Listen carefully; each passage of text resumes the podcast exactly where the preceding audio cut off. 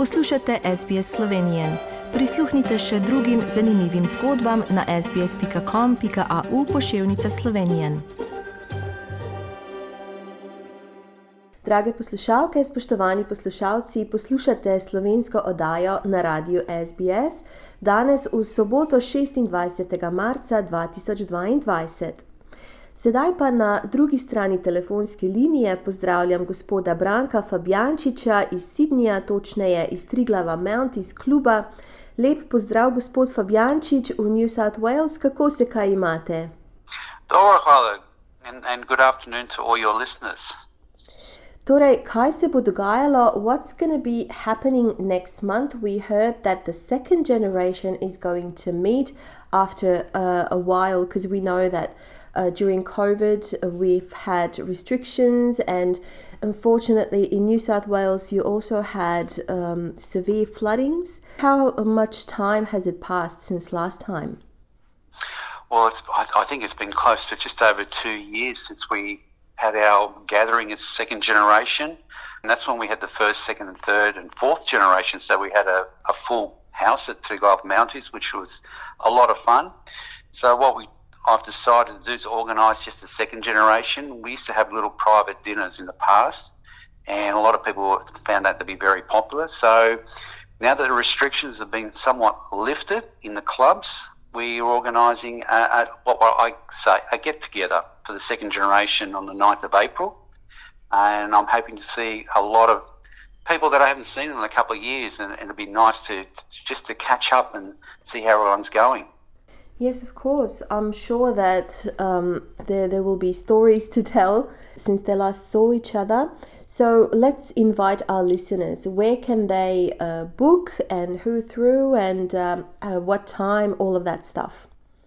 Well, the event is on the 9th of April. It's a Saturday night. We're going to kick off around about 6.30 to 7 o'clock bookings is is essential because it's going to be in the main auditorium. So I, I, think the club would like to know the numbers so they can provide catering.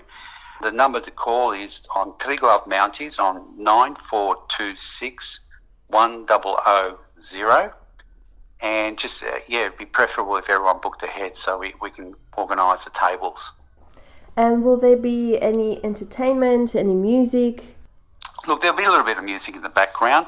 Uh, but this is purely just a, a social function. It's just like meeting up with old friends. So there will be no what we call a band or anything like that. We've just provided our own music and the club's help, happy to help us out. And there will be no set menu, but I, have requested that the kitchen will have on the menu at least have chrapi, gronski and the potato salads like our mums used to make and, and there'll be other food to be bought from the, the menu. That sounds very yummy. I'm sure that all the listeners are looking forward to meeting up.